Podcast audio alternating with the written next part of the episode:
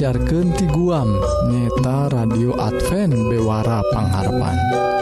Siaran anu ngaguar carita HD tina kitab Injil anu bakal nyegerken jiwa.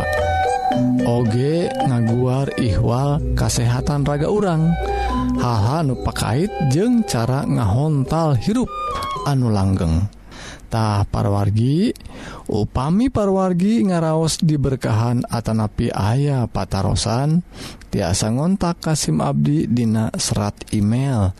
Nyeta alamatna bewarapangharpan@ gmail.com tawa tiasa ngontak karena nomor HP atau waA 08 hiji salapan hiji salapan 2275 hijjipan simkuring oge nawisan perwargi bilih kersa ngaos bahan bacaan rohani tiasa dikintunan ku Abdi.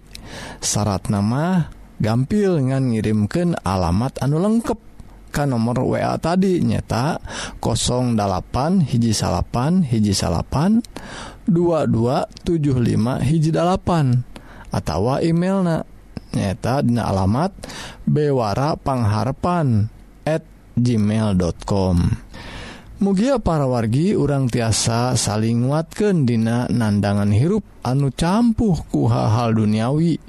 Mugi urang tiasa ngengingken hirup anu pinuh ku tentteman di lebet Isa Almasih nu kawasa di dunia jeung di akhirat. Mangga parwargi urang sami-sami ngadangguken.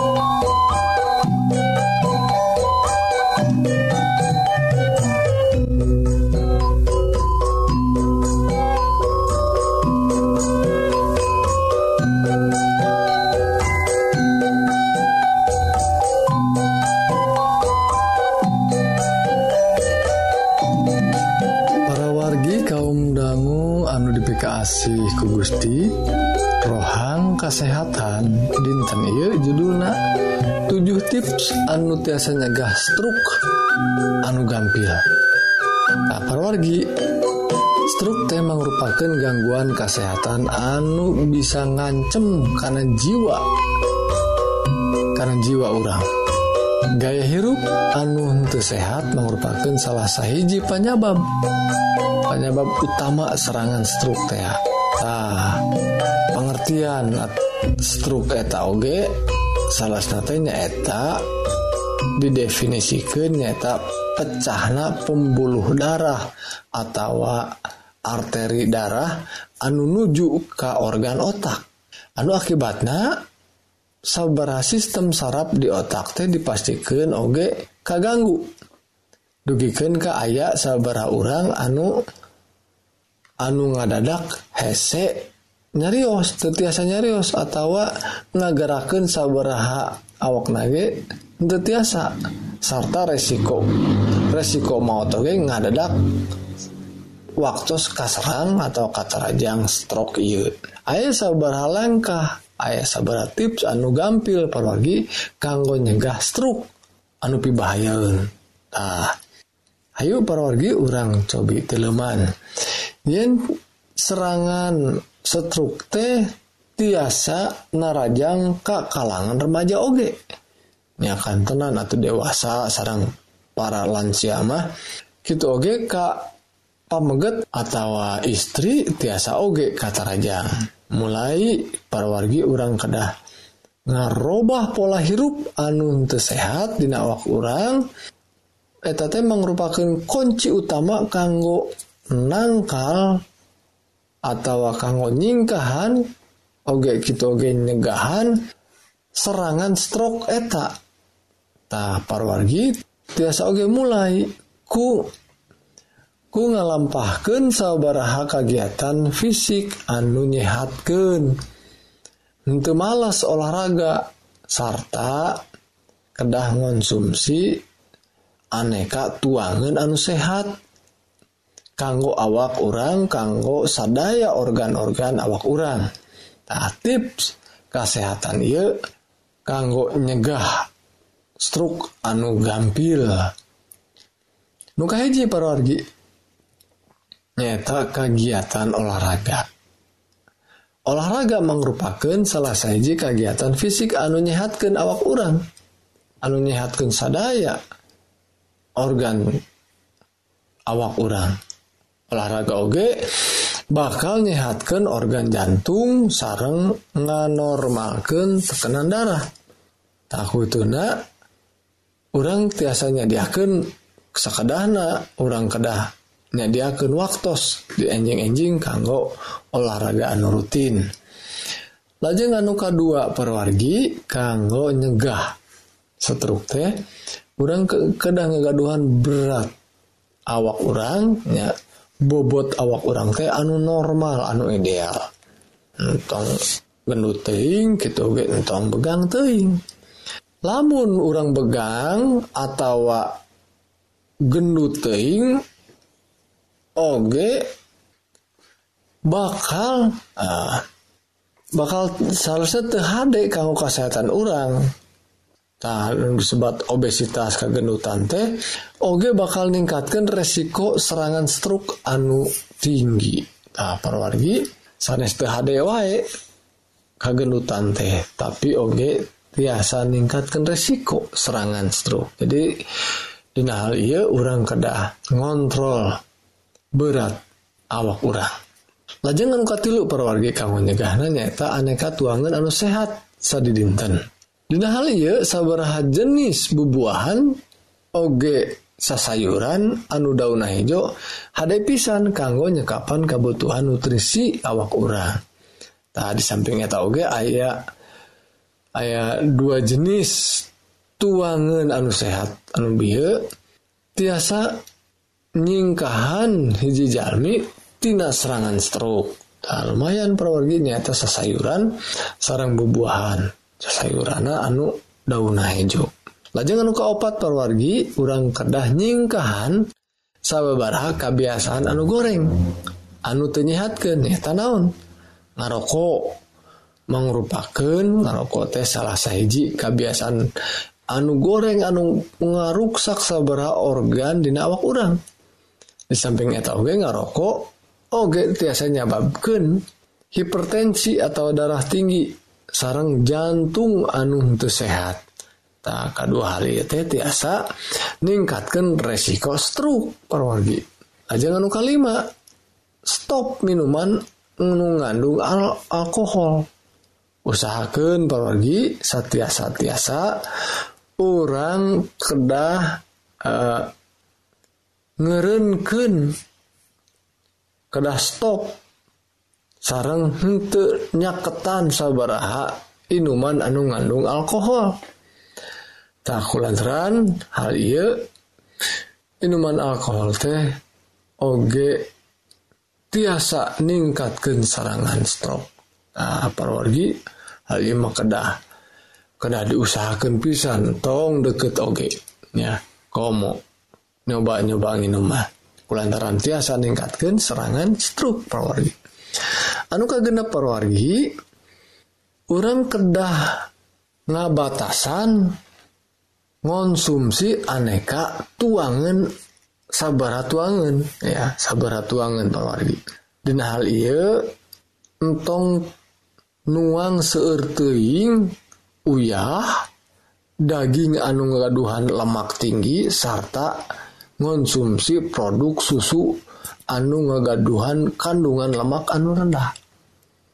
Nah maksudnya parwargi orang kedah nyingkahan saudara atau ngabatasan konsumsi atau tuangan anu uyahna asin teing seueur teuing kitu oge daging anu ngaduhan lemak.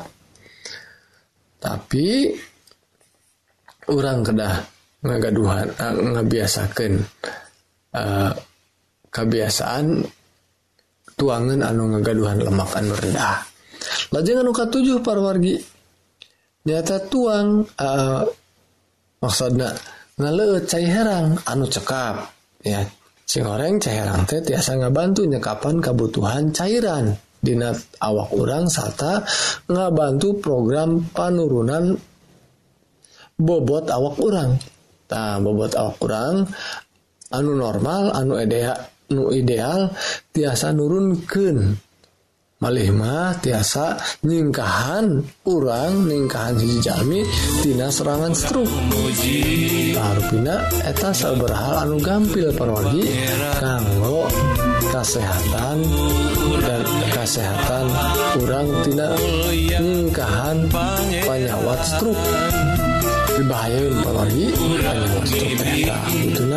Ayo kurang lebihan muji jantung berkah. kalau kesehatan raga urang pangeran nu welastur hemahan manten asih manten asih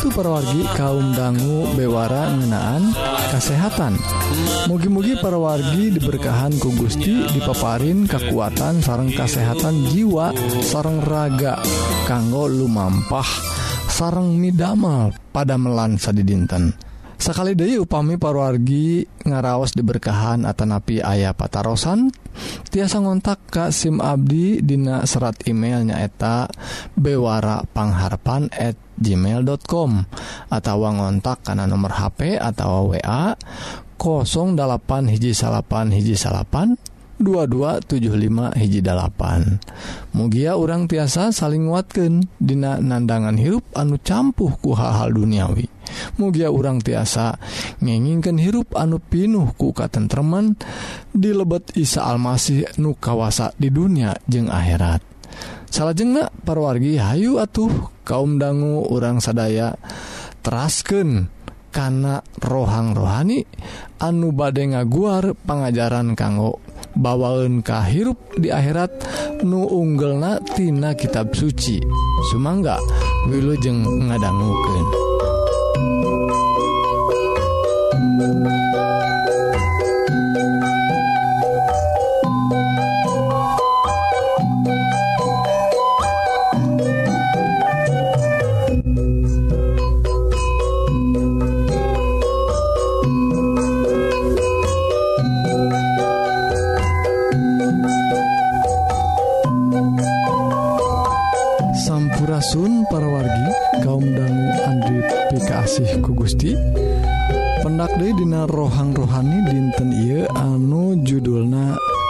Isa Almasih kawasa nyagerken anu lepra.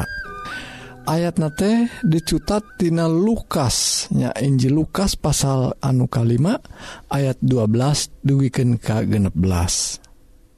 Ki disaurkan Dina kitab suci.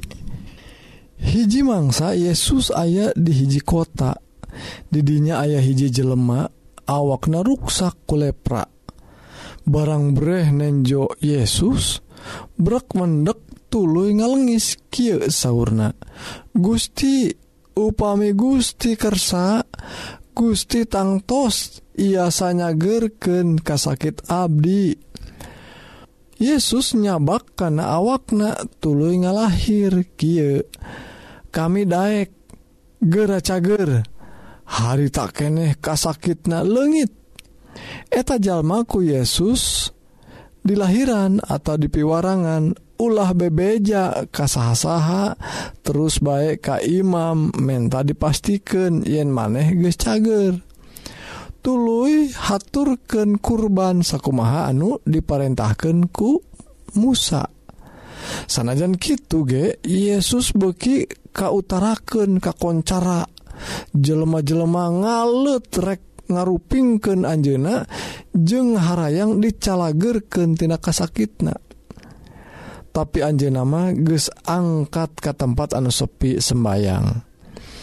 Parwargi kaum dangu anu dipika asih ku Gusti serpisan cariyosan Isa Almasih nyagerken panyakit. Sagala rupa panyawat te aya iwalna perwargi Anjenama kawasa. nyagerken kungan ngaluarkan kecap atau kalimah anu ngandung kawasa anu Agung nu datang na tisa warga te aya anu tiasa ngahalang-halang Iwal nyagerken jalmatina segala panyakit. Nu penting mah Anjena kersaun atau hante kugituna panyambat jalma anu dicariosken tadi parwargi. Nyata jalma nukata Rajangku lepra pamentana nga nyebutken Nun Gusti anukersa Nun Gusti upami Gusti kersa. Ta sanes Nun Gusti anu tiasa sanes. Sajati nama Daisa Almasih atau Yesus teh tiasa.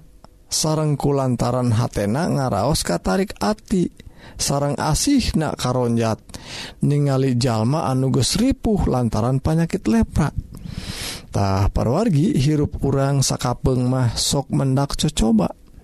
Atawa oge ngalaman kata rajang panyakittah upami urang ngalaman sapertos gitu urang tiasa nyontok jalmi anu lepra iye.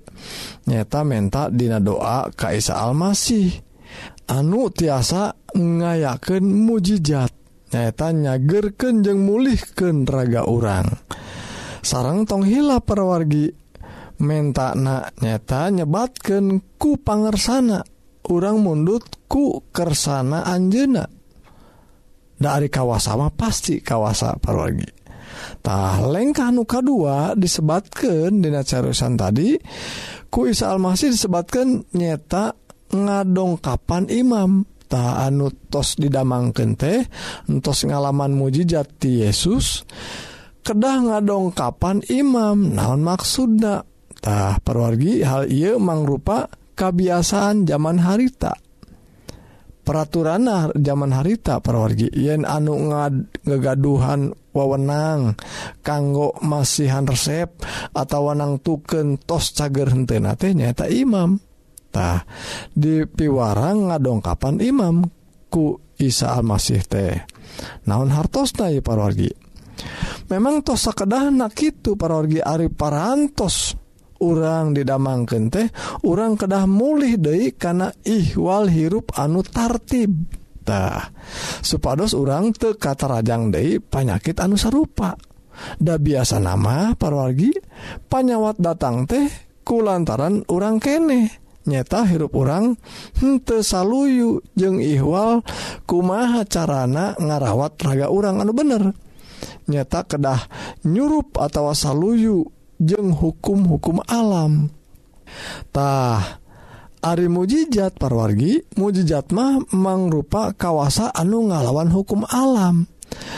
Isa Almasih kumanten anu nyiptaken dunia ieu je ngatur ia alam ia teh numatak Anjena kawasaker ngarobah atau nahan hukum alam I supaya ngiring karena parentana parogi tuh. Urang teh parogi urang kedah percanten yen ucapan Isa Almasih teh kawasaker ngungkulan sadaya kawasa jeung pengaruh di alam I boh alam langit kawasa langit lautan jeng daratan turut karena perintah Isa Almasih. taat perwargi. Komodai soal awak urang mah gampil. Dina kawasana Isa Almasih ngansak rejep mantena nyagerken ku ngayaken mujizat Kajalmi anu lepra tadi. Lajeng parwargi salian tieta Isa Almasih ngalahir Dei yen maneh kudu ngayaken kurban atau masihken persembahan kurban. Anu maksana parwargi ngajarkan ke orang supados orang ngalaman parobahan hirup. Ku ngesian kehidupan sedidinten ku ucapan syukur ka Gusti jungjunan orang upami urang midamel kehaan kasasamatah sarang maparin berkah kasasama Jalmi ia teh perwargi mangrupa hirup anu ngucap syukur. dan kajungjunan orang ka Gusti urang anu tos maparin mujijatna ka orangtah ku jalan gitu parwargi Gusti urang jungjunan orang dimuliakan kula lampahan orang anu hade kasasama atau atuh Hayu parwargi urang milampah kehaan kulantaran orang tos ngalaman mujijat ti Gusti ngalaman kehaan ti Gusti nyata dicagerken kehidupan orangtina borok-borok dosa. Doa simkuring parorgi mugi Gusti berkah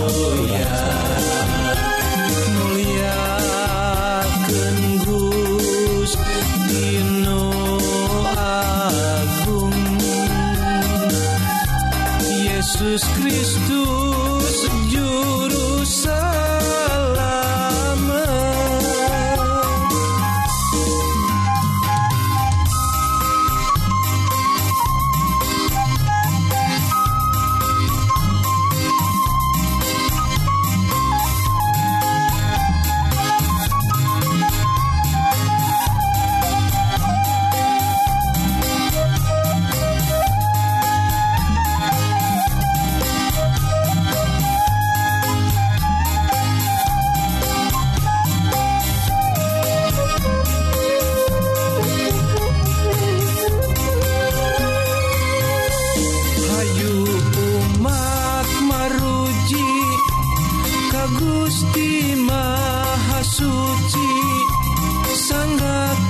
yourself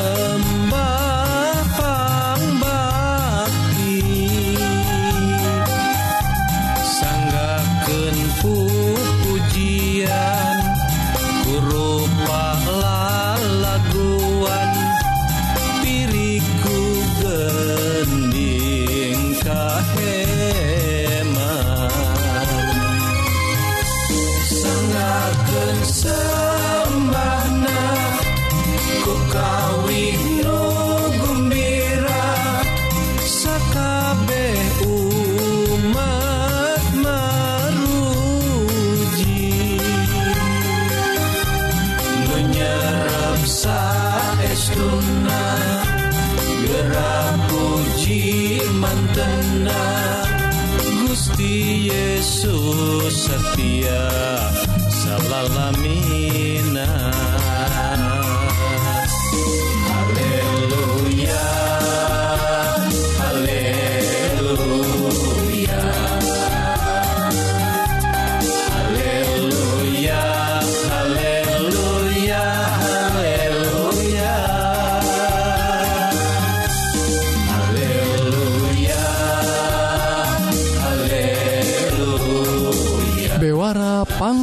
Quantah sakit para wargi Bewara rohani dinten mugi-mugi para wargi sadaya ngaraos diberkahan.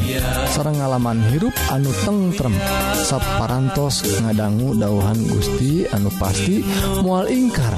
Dina nedunan janji-jangjina tahu pami parwargi Hoong diajar dauhan Gusti. Anu langkung jero tiasa ngontak Kasim Abdi Dina serat email nyata bewarapangharpan at gmail.com atau ngontak karena nomor HP atau wa 08 hiji salapan hiji salapan 2275 hiji dalapan.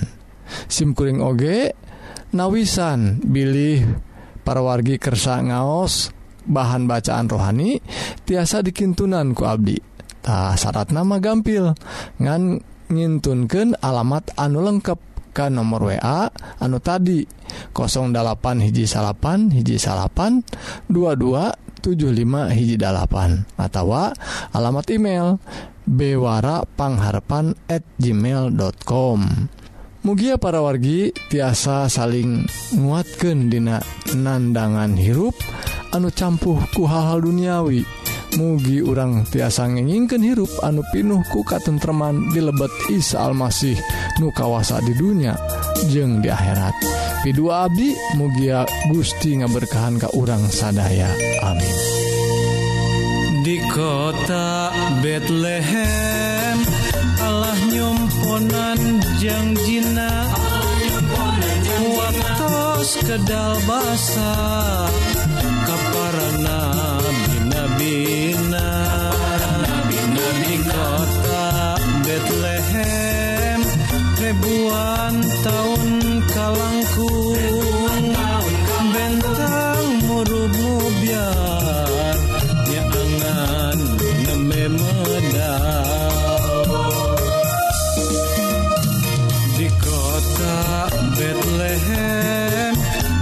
ikat lembang pujian. Maruji ka Gusti nyanggakeun sembah pangbakti pangangon nyaksikeun cumpona janji pangeran. Medalna sang raja juru selamat manusia.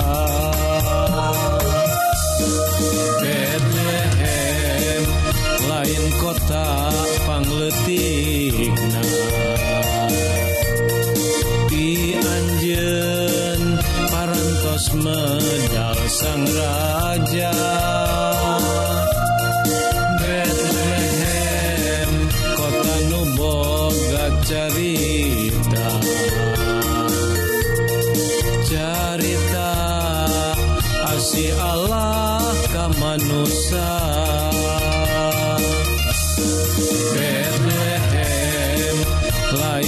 está